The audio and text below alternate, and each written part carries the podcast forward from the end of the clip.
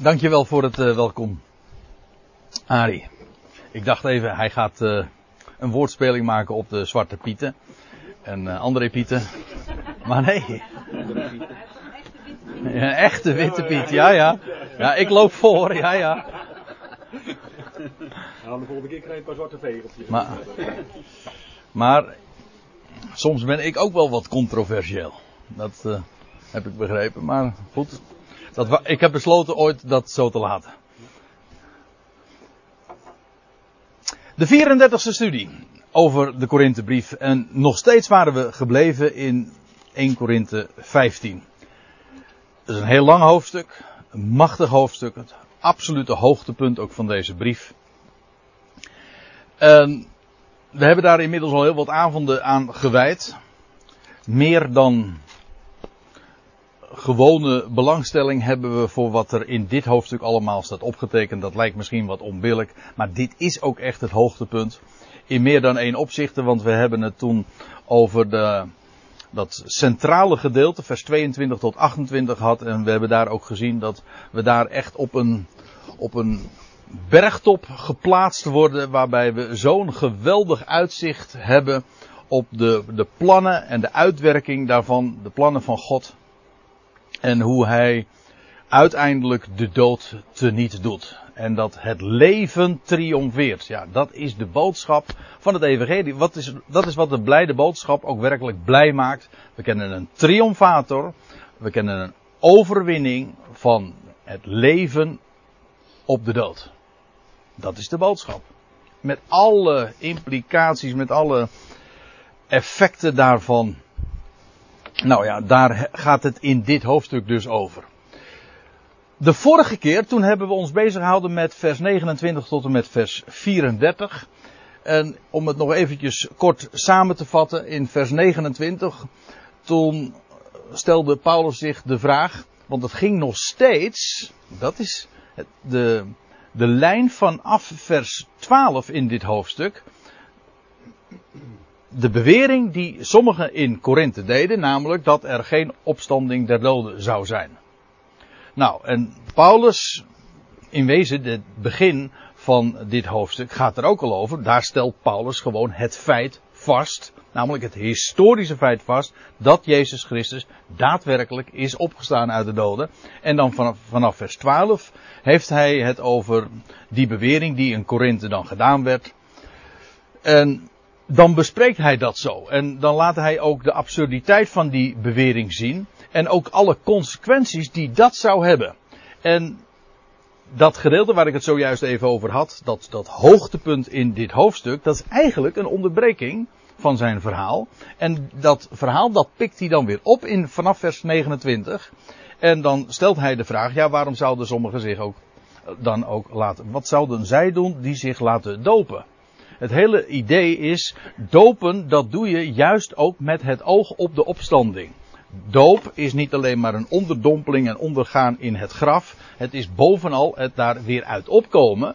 En dat is dus een beeld van opstanding. Opstanding uit het graf. Het was een wat uh, moeilijk vers, althans die, heeft, die reputatie heeft het. Maar we, dat probleem verdwijnt, als u het mij vraagt, en ik heb het de vorige keer, we hebben het er vorige keer over gehad als sneeuw voor de zon wanneer, de, wanneer je de punten en de komma's, de zinsindeling, de interpunctie zoals dat zo deftig heet, uh, verandert. Wat zouden zij doen die zich laten dopen? Dat, doop heeft slechts betekenis met het oog op opstanding uit de doden. Dan vers 30 tot 32 vraagt Paulus zich af, waarom al die doodsgevaren dagelijks, zo zegt hij zelfs in een van deze versen. Waarom al die doodsgevaren eh, doorstaan ter wille van het doorgeven van het goede bericht. Als er geen doden opgewekt worden. Dat is volstrekt absurd en, en belachelijk. En zinloos ook. Alles, dat hele goede bericht, dat gaat juist over het, het opstaan uit de doden en dat, de triomf van het leven op de dood. Vers 32. Waarom dan niet gewoon relaxed eten en drinken? Het vrolijk zijn ontbreekt, want die reden heb je dan weer niet. Maar goed, waarom zou je je druk maken? Waarom niet gewoon eten en drinken? Want morgen gaan we toch dood. Een hele macabere, eh, pessimistische levensvisie. Maar ja, die volstrekt inactief maakt, want het maakt toch allemaal niks uit. Het is zinloos. En feitelijk is dit ook de, de actuele levensfilosofie van veel mensen. Misschien hebben ze een heel andere insteek of trekken ze andere consequenties, maar ze zeggen van het leven is zinloos. Het heeft, er is niet een, geen God die, uh, die aan het begin staat en die een, een doel met zijn schepping heeft, want er is geen eens een schepping. Er is, bestaat dus ook geen schepping, er geen schepper en geen schepping en het is allemaal vanzelf ontstaan. En morgen gaan we weer dood. Een heel zwartgallige levensvisie. Nou, daar staat natuurlijk haaks tegenover de boodschap van het evangelie, namelijk dat het leven overwint en dat er een God is, één God, die alles in zijn hand heeft en alles succesvol tot een einde gaat brengen. Daar gaat dit hoofdstuk over, dat God met allen tot zijn doel komt. Heel de schepping, namelijk hen gaat levend maken. De dood niet doet, namelijk allen levend gaat maken gefaseerd, maar niettemin, het feit staat. En dan in vers 33 zei hij nog de conversatie, slechte omgang, maar eigenlijk staat de slechte conversaties, uh, die bederven goede zeden. Nou, dat was in Korinthe ook het geval. Die conversaties die zij onderling hadden, en die, dat gerucht dat daardoor rondzong, en die bewering die daar zo opgeld deed, dat bederft goede zeden in wezen alle goede gewoonten. Het goede gedrag is, komt juist voort uit een overtuiging, de optimistische overtuiging, namelijk dat er een levende God is en een echt groots doel dat gerealiseerd wordt. En juist dat is de kracht, de power voor een, een opgewekt leven. Ja, dat bedoel ik dubbelzinnig. Een, een leven dat echt waard is om geleefd te worden. En als ja, die overtuiging wegvalt, ja, dan vallen de, het motief voor die goede zeden, of de goede gewoonte staat er eigenlijk, een goede ethiek. We hebben gezien dat dat woord ethiek in dat verband gebruikt wordt. Ethos. Ethos was het, ja. Gebruiken, zeden. Maar zeden, gebruiken, die hebben een, een motief nodig, een beweegreden ook een overtuiging die consistent daar de, de voedsel aan geeft. Dat is net zoiets als, als ik eventjes dat zijpaadje mag maken, maar juist van de week uh, had, had ik het nog eventjes in een heel ander verband daarover. Toen ging het over normen en waarden. Een norm, dat is een regel.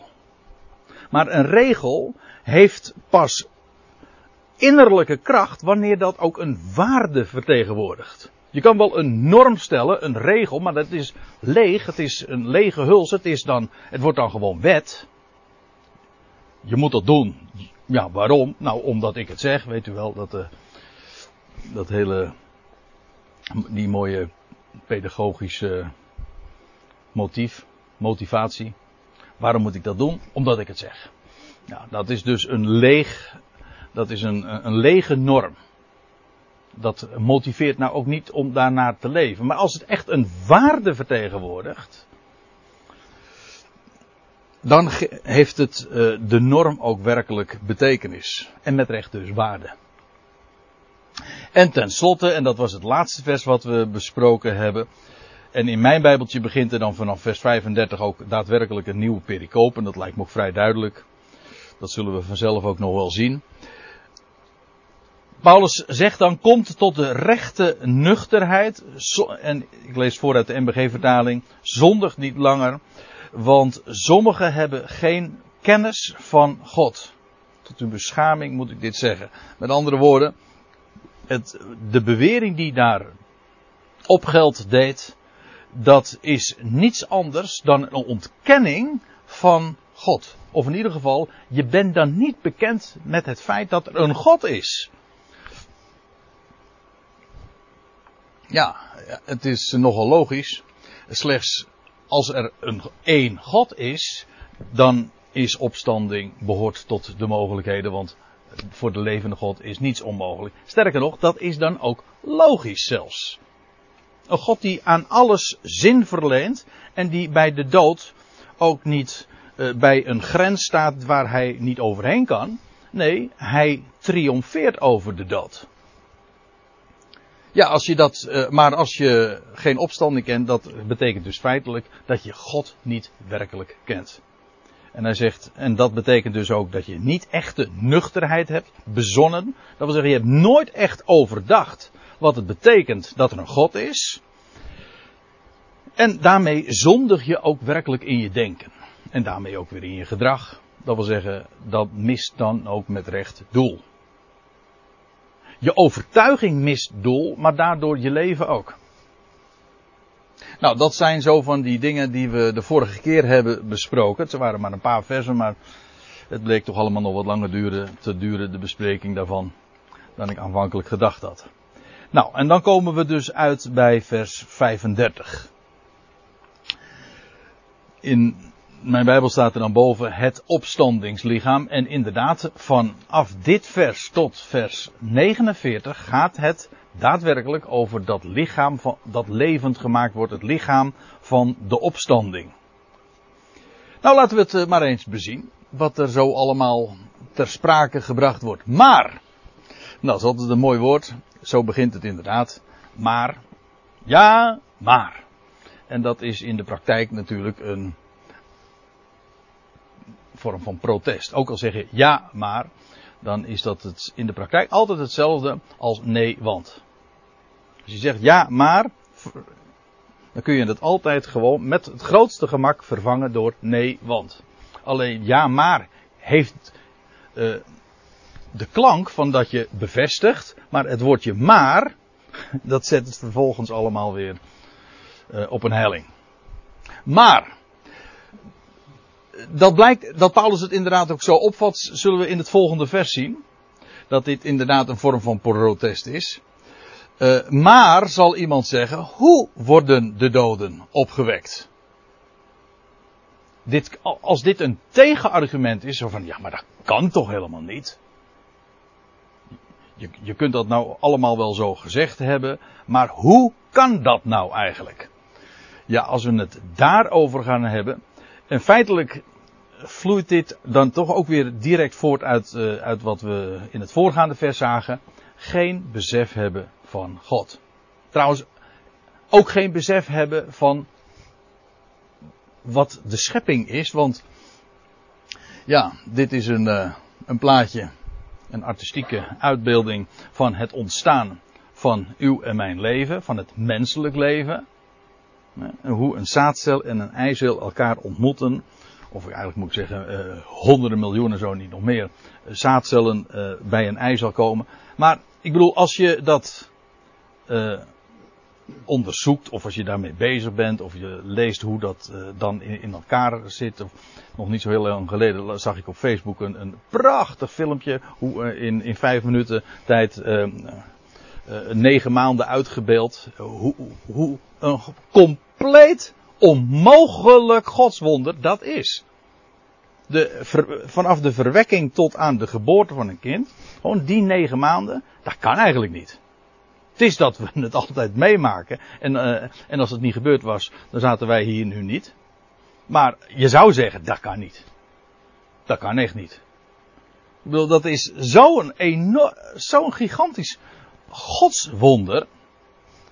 Maar niettemin, het is er. Ja. En daar zit zo'n enorm ontwerp achter. Ik bedoel, alles wat daarin plaatsvindt, heeft betekenis. Niets gaat voor niks. Dat is zo'n concept dat, dat verzint geen mens. De grootste artiest of, uh, ook de, of de grootste kunstenaar of technicus, die is niet uh, bij machten om zelfs maar een fractie daarvan te realiseren.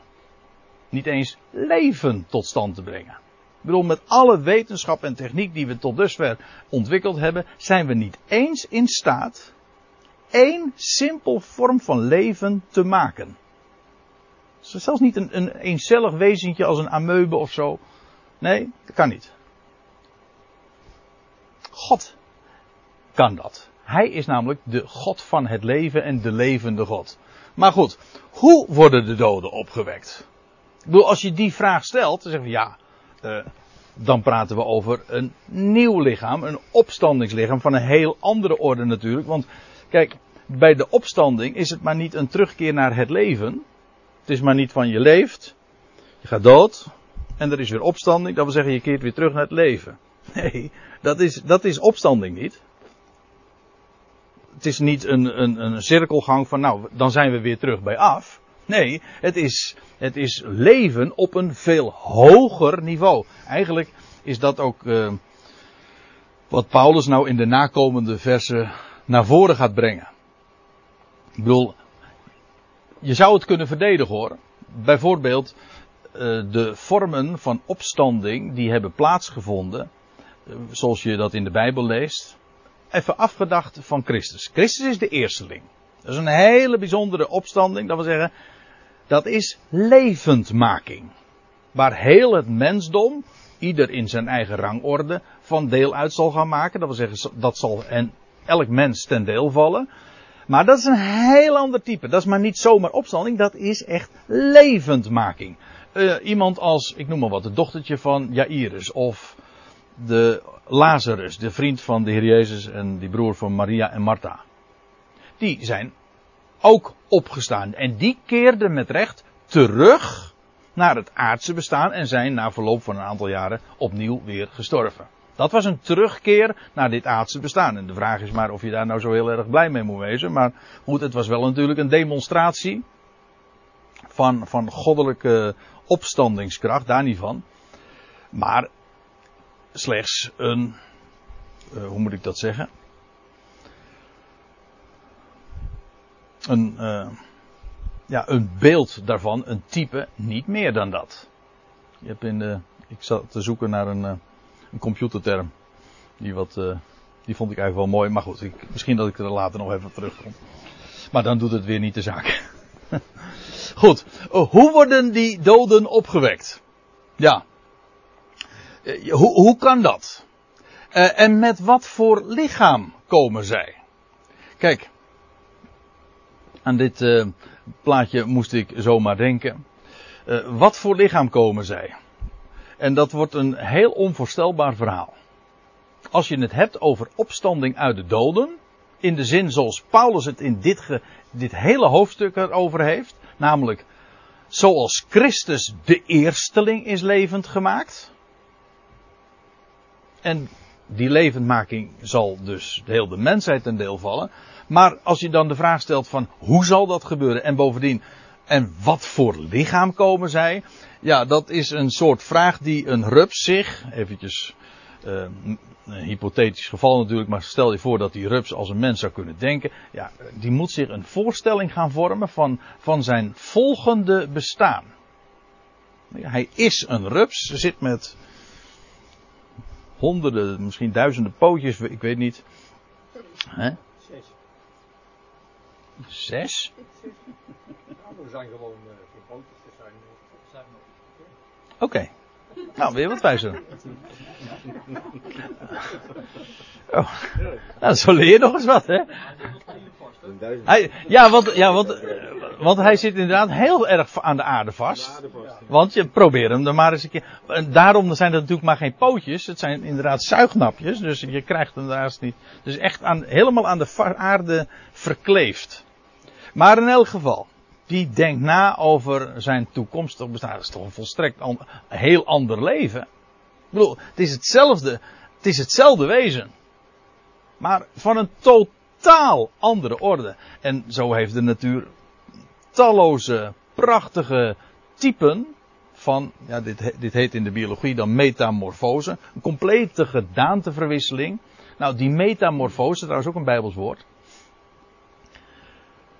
Maar zo'n metamorfose, zo'n complete gedaanteverwisseling, dat is wat opstanding is. En je ziet daar in de natuur uh, prachtige illustraties van. En Paulus uh, brengt dat in dit gedeelte ook ter sprake. Op een schitterende manier. Maar ik vind het altijd uh, heel mooi hoe God als het ware al uh, in zijn schepping illustraties heeft gegeven over zijn handelwijze, zijn denkwijze, maar ook zijn plan en hoe hij dat dan gaat doen. Het, zijn, het is een schitterende uitbeelding van wat opstanding is. Een, uh, een bestaan als een rups, vast aan de aarde zittend. Vervolgens gaat hij dood. Sterft hij als rups. Ik bedoel, komt er een einde aan zijn rupsenbestaan. En dan ontpopt hij zich in een totaal ander wezen. Niet meer vast aan de aarde, maar een hemels wezen wordt het dan. Niet meer vast aan de aarde. Hij kan nog wel op aarde komen. Dat is trouwens een aardige typologie, vind ik ook. Hij kan nog wel op aarde komen, daar niet van, maar hij zit daar niet meer aan vast. Een totaal vrij bestaan. En deze vreet alleen maar. Sorry? Laat ons eten drinken. Ja, nou een rups kan zich inderdaad in, in, eten en drinken. Want morgen sterven we. dat doet een, ja, dat, ik denk dat een rups dat denkt, ja. Laten we eten en drinken. Want morgen sterven. En die kan in no time, in een, in een, in, een goh, ik, ik, ga geen uitspraak erover doen, want ik heb er net al een domme uitspraak over gedaan. In no time kan die zich in ieder geval tig keer zijn eigen gewicht uh, uh, op, op uh, eten. En een zeer schadelijk wezen. En maar als vlinder eet hij. Ook, want het is net een, potje soep. Het, is, het lijkt nergens meer op. Het lijkt nergens Het lijkt nergens meer op, nee. Het is echt soep. Er zit, er zit, het, zit, het is geen rups en nog geen vlinder. Nee. Alleen Nee. de buitenkant is een, kan je een beetje vormen zien. Ja. En dan is het een vlinder. Dat vind ik heel bijzonder. En dan vliegt hij de hemel. En dat vind ik ook zo mooi wat hij eet. Een rups vreet met recht zich helemaal vol. Tot hij, tot, hij zich met recht doodvreet als, als rups. En een, eh, een, een vlinder eet of zuigt of drinkt honing. Waar is dat een type van? Hm? Nou ja, eh, dat is eh, een illustratie uit de natuur. En daar gaat het natuurlijk niet direct over in vers 35 van 1 Korinthe 15. Maar goed, dat zijn al zo van die over. Wat voor lichaam komen zij? En dan zegt eh, Paulus. wij- Wij zouden denken van nou dat zijn toch hele goede vragen. Het zijn ook hele goede vragen. Maar als je het laat beginnen met maar. Als het een protest is, een tegenwerping. Dan is het dwaas. De vraag is goed. Als je de vraag stelt van ja, hoe, hoe gaat God dat doen? Wat, over, wat heeft hij daarover te melden? Nou, dat is wat Paulus hier ook naar voren brengt. Maar als je denkt dat dit soort overwegingen eh, bezwaren zijn, of argumenten tegen het feit van de opstanding, dan ben je niet anders dan dwaas. En nou gaat Paulus daar ook voorbeelden van geven. Hij zegt, dwaas, eh, wat jullie, wat je zelf, wat jij zaait, dat wordt niet levend of het moet gestorven zijn. Letterlijk, u ziet het ook in de interlineair, dat wat je zelf, wat jij zaait, dat wordt niet levend gemaakt als het niet zou sterven. Niet als het, of het moet gestorven zijn, als het niet zou sterven. Iets kan alleen maar levend gemaakt worden als het zelf stervende is. Levendmaking bestaat bij de gratie van sterven en dood. Ook daar komen we later nog op. En als je, en als je zaait, en wat je zaait, dat is niet het lichaam, da- dan, dan zaai je niet het, het toekomende lichaam, uiteraard. Eh, dat zijn, ik liet net het voorbeeld zien van een rups en een vlinder. Maar hier wordt eh, een ander beeld gesproken, van een ander beeld, eh, is er van een ander beeld sprake. Namelijk, eh, je zaait een, eh, pardon, een korrel, bijvoorbeeld van koren of van iets anders. Ja, heel de natuur is daar. Het gaat nu trouwens alleen maar over plant, de plantenwereld. Maar je zaait een zaad in de aarde. En er komt iets. Dit is wat je er in de grond stopt. Of dit is wat je in de grond stopt. En dit is wat eruit komt. Nou, vindt u dit op dat lijken? Ik niet. Totaal niet. Dus je zaait niet het toekomstige lichaam. Het zit erin.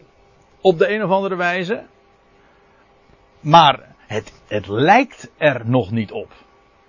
Ik bedoel, eigenlijk, als je het erop beschouwt, is het, nog minder gelijk, is het nog minder gelijkenis dan als je het hebt over een vlinder en een rups. Hm? Het lijkt er niet op. Je zou niet toekomstig liggen, dat, maar slechts een korrel, bijvoorbeeld van koren of van iets anders. Maar God geeft er een lichaam aan zoals Hij wil. De God. Kijk, daarover hebben we het.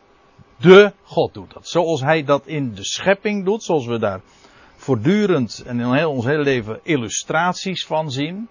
Het hele proces van iets wordt in de aarde gestopt, of een zaad wordt in de, komt in de aarde terecht, en er komt iets totaal anders dan dat zaadkorreltje uit tevoorschijn. Het hele proces van vegetatie, van het, een, uh, het ontstaan van een plant. Maar goed, uh, het was vandaag prachtig weer. En als je dan kijkt. Uh, ja, nu. Het is schitterend. Het was een schitterende herfstdag. En zeker als dan het, het, het zonlicht nog schijnt op, dat, op, dat, op, de, op de dood. Dan krijgt het de kleur, dat vind ik prachtig. Dat is, ook, dat is ook mooie typologie. Want de herfst is in feite ook een schitterend type van het, het, het sterfelijke aardse bestaan. Het gaat weer dood. Het is stervende en de, eigenlijk is de winter een uitbeelding van de dood. De herfst is een uitbeelding van het sterven. Maar dan vind ik het prachtig dat als God zijn licht op dat doodse laat schijnen, dan krijgt het de kleur van goud. Van goud is onvergankelijkheid. Het is een edelmetaal, gaat niet dood. Maar dan krijgt het, als je dan, uh, ik reed op de, hoe heet je, de weg de, naar, naar, uh, door. Nou, de A4, de N44. De Rijksstaatweg. En dan heb je aan beide zijden een, van, van die prachtige bomen. En als dan het zonlicht daarop schijnt, nou, dat is hemels. Dat is goud wat je dan ziet. Maar het is een stervende natuur. En dat vind ik zo mooi als Gods licht, als het zonlicht schijnt op dat sterfelijke, dan zie je goud. Dan zie je al de kleur van onvergankelijkheid. Dat is wat eruit uit voortkomt. Het is net alsof, dat is in ieder geval de associatie dan, die ik maak van, het mag dan allemaal sterfelijk zijn en vergankelijk, maar God troost ons al met zijn licht, dat gaat het worden. Onvergankelijkheid. Zo zie je dat soort illustraties gewoon, ja, als je er oog voor hebt. Als je, weet, als je zijn woord kent, als je weet dat er een levende God is, dan zie je het overal. Dan illustreert, hij dat in zijn schepping. Dan zie je de plaatjes gewoon overal in de natuur. God, de God, geeft er een lichaam aan. Zoals hij dat wil. In alle mogelijke varianten bedoel, we, wat hier gezegd wordt, het gaat hier nog maar puur over de plantaardige wereld. Maar hoeveel miljoenen varianten zijn er niet? God geeft er op, zoals Hij dat wil, er een lichaam aan. En wel aan elk zaad zijn eigen lichaam. Aan ieder van de zaden het eigen lichaam. En dan komt er nog een beeld. Nu was het nog in het voorgaande vers ging het over de plantaardige wereld. Nu zegt hij, alle vlees is niet hetzelfde. Maar dat van mensen, dat is weer anders. Straks zullen we nog een ander woord voor anders tegenkomen. Maar hier is het gewoon, het is verschillend. Elk, dat van mensen is weer verschillend van dat van beesten. En het vlees van vogels is weer anders dan dat van vissen. Dus het is allemaal weer een andere substantie, andere lichamen, andere benodigdheden. Ik bedoel, een, een, een vogel is geschikt gemaakt voor om te vliegen en een vis om in het water te zwemmen. Ik bedoel, alles, al, het vlees heeft ook weer zijn, zijn eigen kenmerken. Het is niet allemaal hetzelfde. Er is een enorme variatie. God houdt van variatie. Dat is wel duidelijk als je naar de schepping kijkt. En hij heeft dat zo vormgegeven op een onbegrijpelijke manier. En wat voor concept, wat voor intelligent design zit daarachter? Ik bedoel, wij uh, staan ervan te kijken wanneer je eens een keer een, uh, staaltjes van techniek ziet. Hè, hoe een, ik noem maar wat, hoe een computer, als je hem met elkaar haalt en hoe dat in elkaar zit en hoe, hoe, hoe minutieus dat allemaal is bedacht en, en gemaakt. Dat is geweldig en ik, ik, eh, ik heb diep respect voor degenen die dat allemaal zo kunnen maken. Maar het haalt niet, zelfs bij het eenvoudigste vorm van leven. Het haalt er niet bij. Al was het maar het verschil, het ene is dood en het andere is levend. Dat is de God die dat zo heeft ontworpen. En hij zegt in vers 40, er zijn hemelse en aardse lichamen. Dit is een vers trouwens dat nogal wat uh, vragen opgeroepen heeft. Want waar doelt Paulus hier nou op? En ik ga ervan uit, als ik naar het volgende vers kijk, dat hij hier inderdaad doelt op hemellichamen. We zullen het er straks over hebben, maar ik moet er ook bij zeggen. Uh, andere mensen die hebben gezegd van ja, maar het gaat hier over uh, de opstandingslichaam. Over lichamen hier op aarde en de hemelse lichamen van de opstanding. En dat laatste denk ik trouwens niet. In de directe zin, het gaat hier, zoals we in het volgende vers ook zullen zien, van over zon, maan en sterren. Wacht even. Maar, het is wel dubbelzinnig.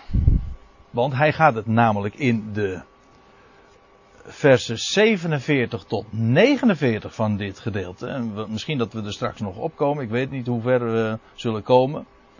Maar dan gaat hij het inderdaad al hebben over aardslichamen. Adam, die uit de aarde was genomen, aards, en de mens uit de hemel. Christus, de laatste Adam. Dus er zit meer achter. Want dan blijkt het begrip aardse lichamen, hemelse lichamen, dus dubbelzinnig te zijn. Maar zover is het hier nog niet. Uh, er zijn hemelse, er zijn aardse lichamen en de glans van de hemelse. Dat woord glans, ik wijs er hier alvast even op. U ziet, uh, dat is het Griekse woord doxa. En dat is eigenlijk het woord heerlijkheid. Normaal, normaal wordt dit vertaald altijd met heerlijkheid. Alleen hier in dit verband, uh, in deze context hebben de vertalers ervoor gekozen om het weer te geven met glans. Hoe is het eigenlijk in de Statenvertaling? Oh, is het inderdaad ook heerlijkheid? Verbaas me niet die, de Statenvertaling doet dat meestal veel concordanter. Maar de heerlijkheid van de hemelse, maar ik, dat moet ik er dan weer bij zeggen, de heerlijkheid van die hemelse lichamen, dan gaat het inderdaad over glans. Dat wat, dat wat ze schijnen, wat ze uitstralen. Letterlijk dus. De glans, de heerlijkheid van de hemelse, is anders. En nu komen we op een ander woord. Ik wees u zojuist even op dat woordje allos. Je hebt, het Grieks kent uh, twee verschillende woorden voor anders. En dat uh, levert de vertalers nogal eens hoofdbrekens op. Want hoe moet je dat nou in het Nederlands correct weergeven? Maar je hebt het woordje allos. Dat betekent anders, verschillend. En je hebt het woordje heteros. Dat kennen wij ook nog, hè? hetero. Eh, ja. En dat betekent echt andersoortig.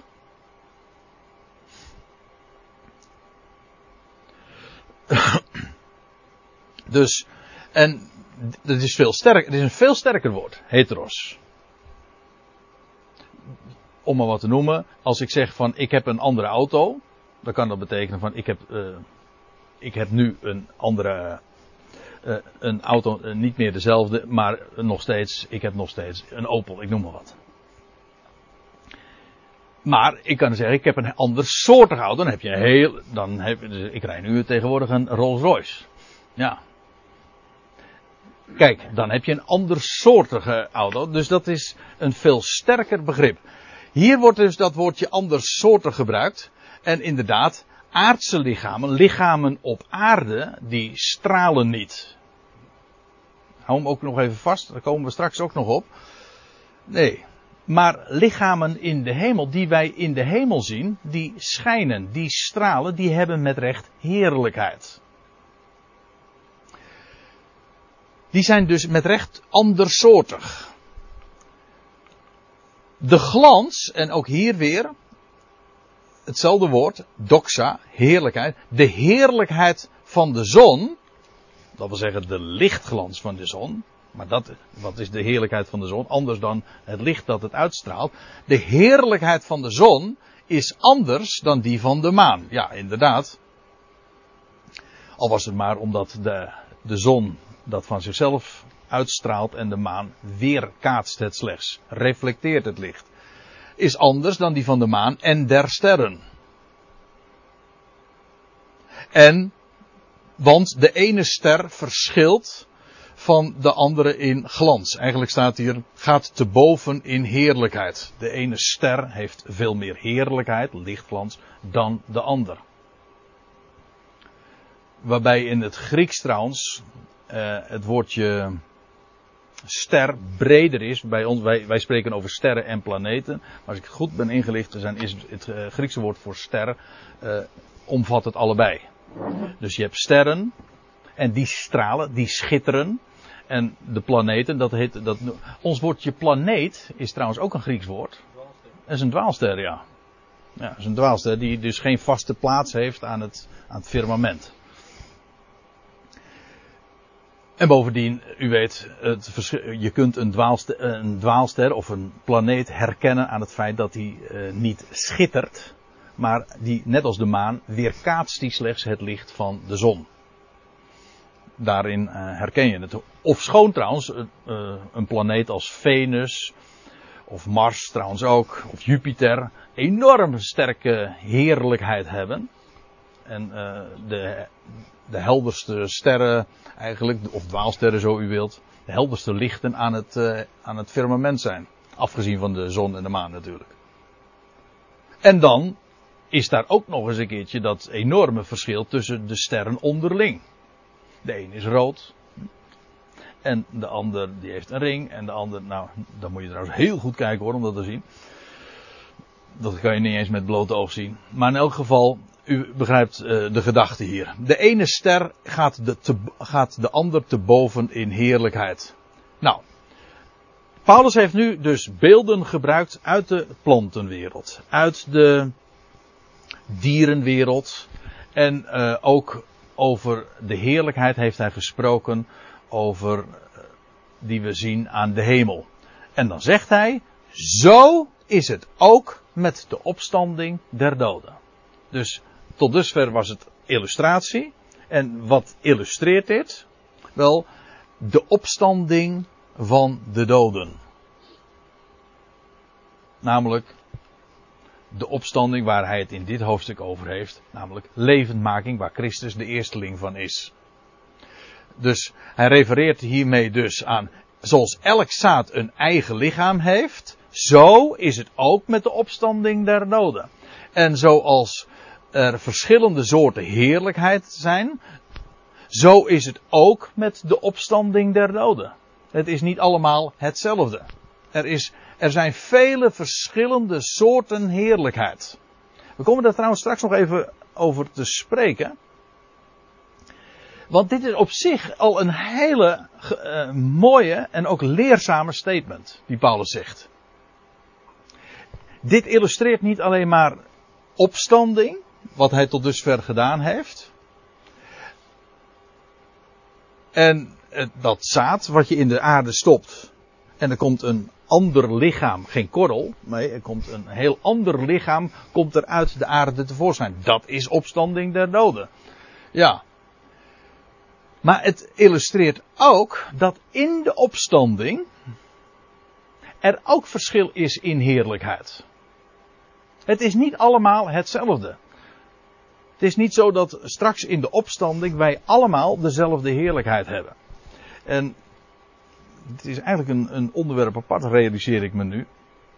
Maar uh, het is zo dat. We hebben dat trouwens, maar dat is al een hele tijd geleden, over 1 Korinthe 9 gehad. Toen Paulus ook zei dat hij zich uitstrekte in zijn leven. Eén ding deed hij. En dat is dat hij zich uitstrekte naar die onverwelkelijke krans. En dat heeft te maken met wat God in ons leven, let op hoe ik het zeg. Ik zeg niet wat wij allemaal tobben en, en uit, uh, uitleven van onszelf. Dat is niet wat beloond wordt. Wat God beloont is dat wat Hij in, in en door ons leven heen heeft kunnen doen. En dat, de heerlijkheid die Hij hier met ons uh, voortbrengt, of dat wat Hij vandaag met ons doet, in dit bestaan, dat is de, heeft ook te maken met de heerlijkheid straks in de opstanding. En ook het verschil in heerlijkheid. Het is dus niet zo dat ons leven hier uh, helemaal los staat van de heerlijkheid straks. Nee, het is, het is straks heerlijkheid, maar er is verschil in heerlijkheid. En dat heeft te maken met dat wat God in ons leven hier met ons heeft kunnen doen. Het is een beetje een zijpaadje, maar wellicht dat ik straks nog even er iets over zal zeggen in verband met, nou wat wil ik wel, vers was dat? Vers 44 waarschijnlijk. Nou ja, uh, dat zien we vanzelf wel. Zo is het ook, dat is uh, wat Paulus hier dus zegt, zo is het ook met de opstanding der doden. Er wordt gezaaid, en dan komt, dit is een uitdrukking die hij nu uh, heel wat keren gaat bezigen. Vier keer om precies te zijn. En hij gaat dan tegenstellingen, contrasten schilderen. Er wordt gezaaid in vergankelijkheid. Dat is een prachtig beeld. Eigenlijk houdt hij dus het beeld vast waar hij zojuist mee begon. Namelijk, als, als, het was het eerste beeld, de eerste illustratie waar hij mee kwam. Namelijk dat je een, een korrel in de, aan de aarde toevertrouwt. En er komt een totaal ander lichaam uit voort. Dit is precies wat begrafenis ook uitbeeldt. Het toevertrouwen aan de aarde. Begraven is een schitterend type. Dat is zo illustratief. Iets aan de aarde toevertrouwen. Dat is precies het beeld uh, wat hier ook gebezigd wordt. Namelijk wat een boer doet, doet. Namelijk een zaad aan de aarde toevertrouwen. Ik word, uh, ik weet niet hoe het u vergaat, maar ik, uh, ik kan me wel eens ergeren. In, in, in het verleden heb ik wel discussies. Kijk, dan heb je het ook weer over ethiek. Ging, dat was toen bij, bij ons in de kerk. Dan had je van die discussies. Daar ging het over de vraag of een christen zich mag laten cremeren. En dat is een typische ethische discussie. Als je eenmaal een beetje aan deze dingen gerookt hebt, aan de heerlijkheid van het evangelie, dan wordt het onzinnig. Want de vraag is helemaal niet of, of je je mag laten cremeren. Ik, heb u ooit in de Bijbel gelezen dat dat niet zou mogen? Ik niet. En dat krijg je dan altijd. En dus zeggen ze, nou het staat nog nergens in de Bijbel dat het verboden is en dus waarom mag het niet? Nou, het, het is het loutere feit als je in die termen denkt. Van mag het of mag het niet. Kijk, als dat e Kijk, dat is ethiek dan. Hè? Dat, daar kun je op promoveren. Dat is een heel vak, dat is een heel theologische richting, ethiek. En, nou ja, daar kun je over, al, uh, daar heb je schermutselingen over. De een zegt ja, en de ander zegt nee. Maar het is wet. Maar het is leeg. En op het moment dat je het over inhoud gaat hebben, namelijk wat illustreert de begrafenis nou? Dat is dit. Er wordt gezaaid. Dat is het. Het is een schitterend type. Heeft het praktisch nut in de zin van, want ja, zo wordt het dan natuurlijk vervolgens ook uh, bevraagd.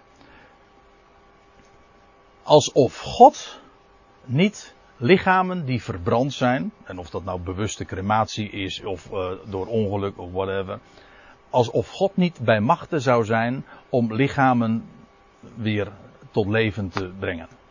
Natuurlijk. Het heeft geen praktisch nut, begraven. We moeten zich goed realiseren dat na een aantal jaren er helemaal niks meer over is van dat lichaam. En als er nog wel wat van over is, dan wordt het weer eh, over het algemeen. Sorry voor het macabere praatje. Dan wordt het weer opgegraven. Ik bedoel, daar gaat het niet om. Het is begraven. Ik weet, talloze mensen zullen zich daar totaal niet van bewust zijn. Maar begraven is een daad van geloof. Je vertrouwt het toe aan de aarde, zoals een boer een zaadkorrel aan de aarde toevertrouwt. In de verwachting van, namelijk dat daar leven uit voort zal komen. Het zaadkorrel sterft in de aarde, jawel, dat is dood, maar daar komt leven uit voort. En dat is waar Paulus het over heeft. En hij gaat het ook een, een drietal keren herhalen. Drie of vier keer. Er wordt gezaaid in vergankelijkheid.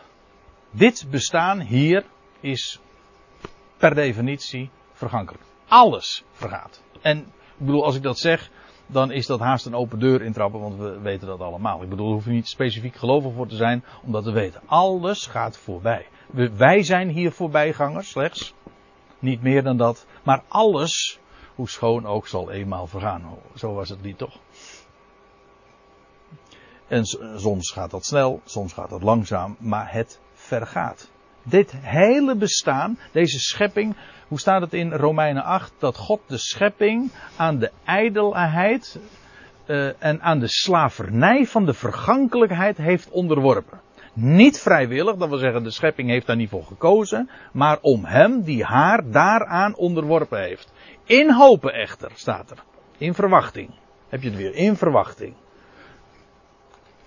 Namelijk van nieuw leven. Want de schepping vervult namelijk ook, dat is Romeinen 8 weer, de functie van een, een moeder.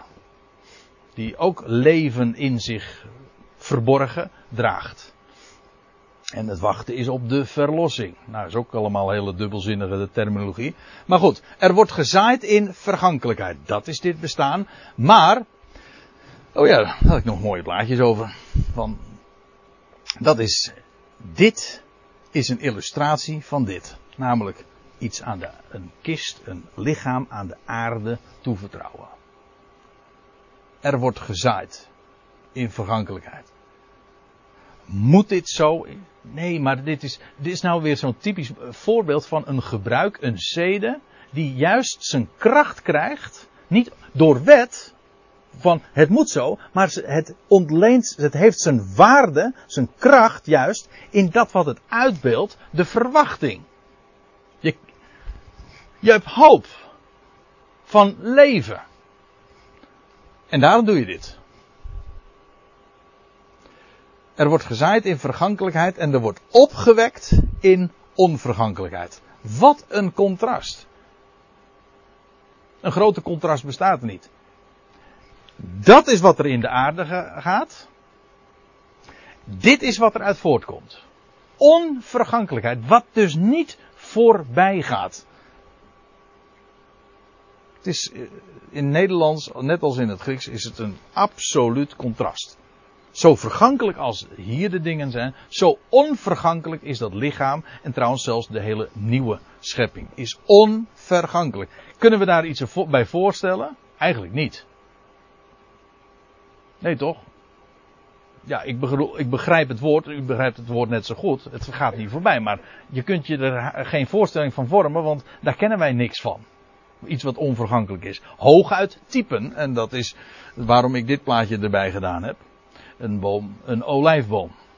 Dat is een type, het is niet echt, want een olijfboom gaat, die kun je ook doodmaken. Maar het is wel een type van onvergankelijkheid. Een boom die niet doodgaat, namelijk. Die zich regenereert. Vandaar dat je oude knarren van, van duizenden jaren hebt. En dat die boom dan ook nog eens een keer olie voortbrengt. Een beeld van leven en van geest. Geest en leven.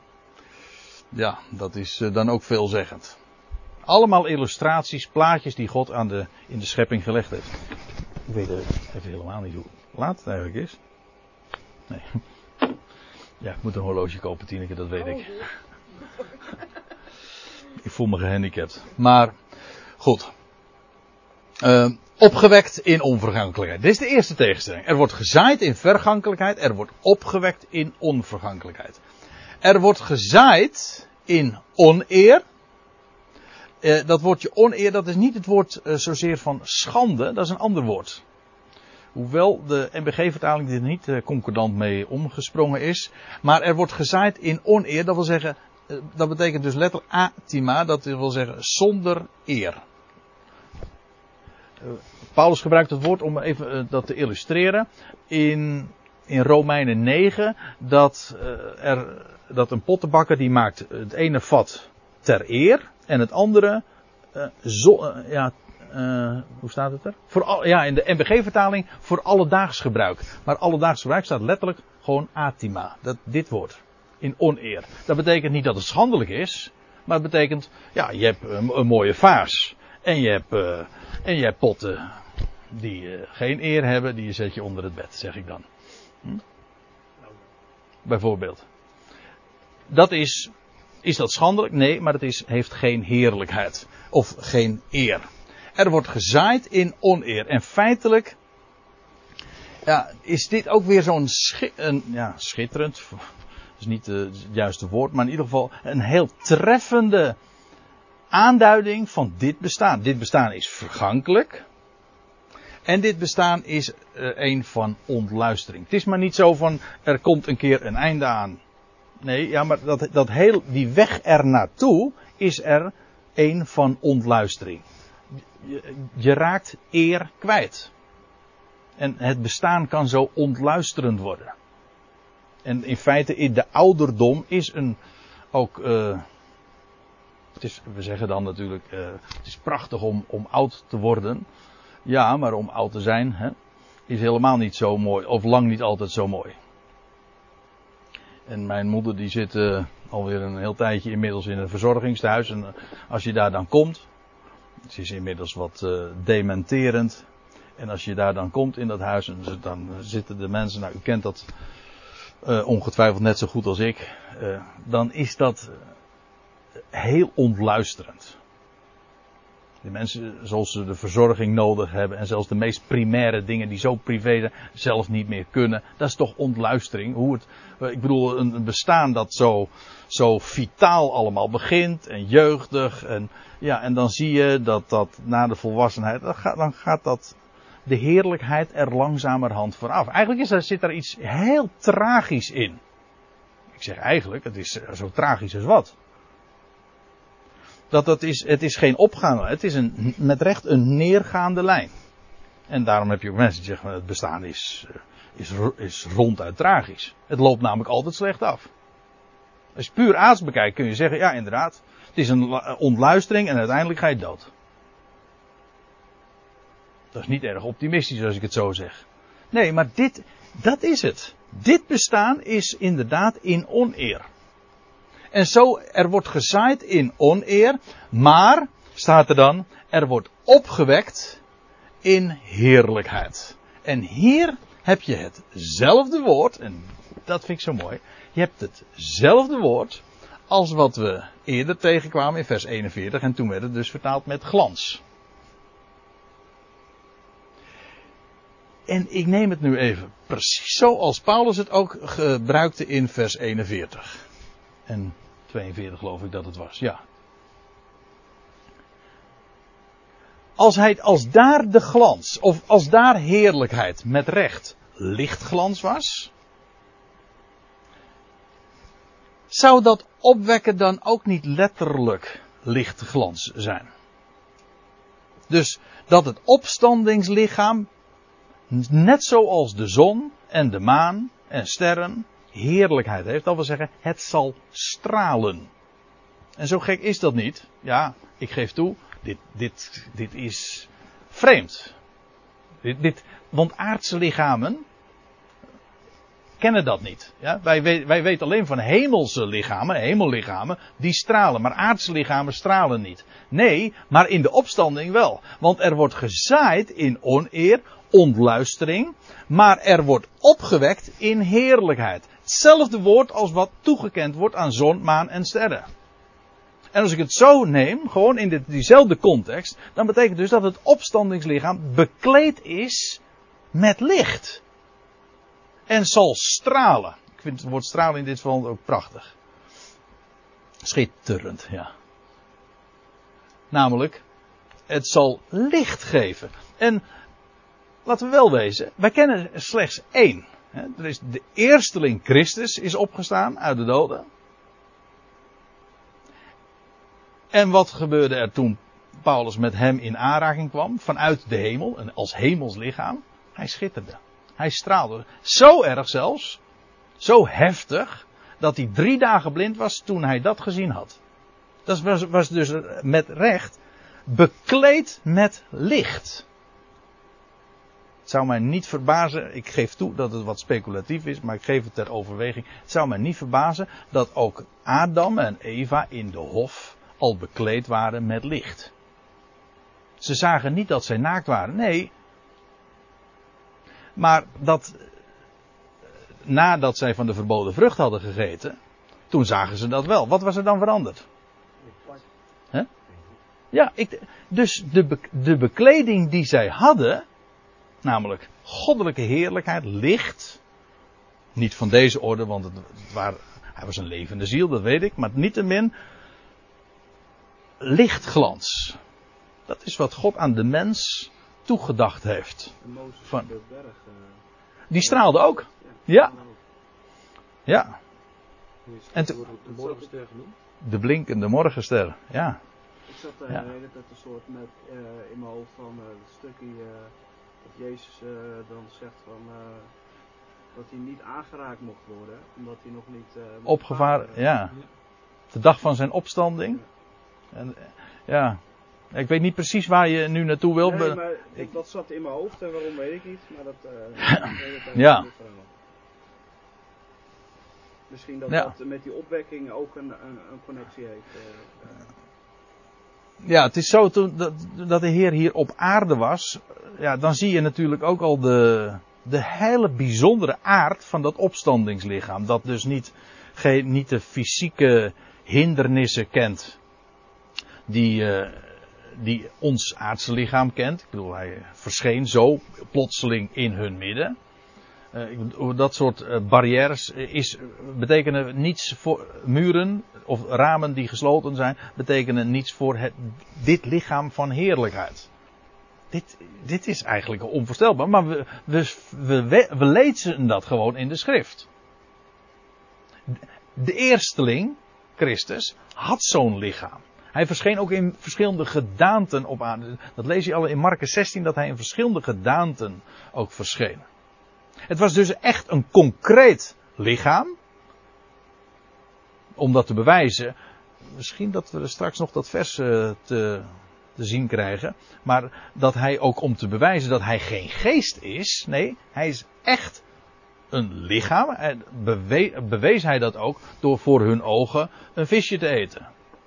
En hij zegt, en ziet dat een, eh, een geest geen vlees en beenderen heeft zoals ik heb. Dus het was concreet een lichaam. Maar van een totaal hogere orde. Maar om even uh, hier nog even bij uh, stil te staan, nog even aan te herinneren. Het wordt opgewekt in heerlijkheid. Dat wil zeggen in lichtglans. Daar gaat God straks in de levendmaking de mens mee bekleden. Dus als u nou vraagt van wat voor kleren krijgen we, dan zeg ik van nou dit, heerlijkheid, lichtglans. Ja, Arie, dan ben je zonder werk. Ja, dan kun jij wel opbouwen. ja. Ja, ja. Nou, ik zeg nu wel eens tegen oude mensen ook, ik zeg als het lijf het af laat weten, moet je wat aan de verpakking doen. ja. ja, maar dat is allemaal om de, natuurlijk de oneer te maskeren. Daar komt het eigenlijk op neer. Het is uh, wel een uh, heel uh, tobberig beroep eigenlijk wat je hebt. Maar... En toch, dat is wat je doet. Je bekleedt het met mooi, je maakt het mooi. Hè? Kleren maken de man. Maar het is, maar het is, het, het is echt, kleren, ma kleren maken de man, maar het is met recht ook de mens maakt de kleren. En dat was, dat, zoals dat ooit in het begin ook gebeurde. De mens ging zich vrijgebladen maken en God zei nee, ik heb wat voor je. En toen was er trouwens, gaf hij dieren, vellen van dieren. Dat wil zeggen, eerst moest er een dier, een onschuldig dier, sterven en daarmee bekleedde hij de mens. Dat is ook een prachtig type natuurlijk. Dat wil zeggen, de mens werd bekleed met een dier, met het, dat gestorven was. En daarin werd hij gehuld. Nou, precies wat God ook vandaag nu doet. Maar straks, sorry. In feite was de Heer zelf degene die het eerste offer bracht. Ja, door hen te kleden met huiden van dieren. Hoe staat het er precies? Opgewekt in heerlijkheid. Uh, ik stel voor, want het verhaal gaat natuurlijk nog uh, verder. Dat we hier even onderbreken en dat we even een kopje koffie met elkaar gaan drinken.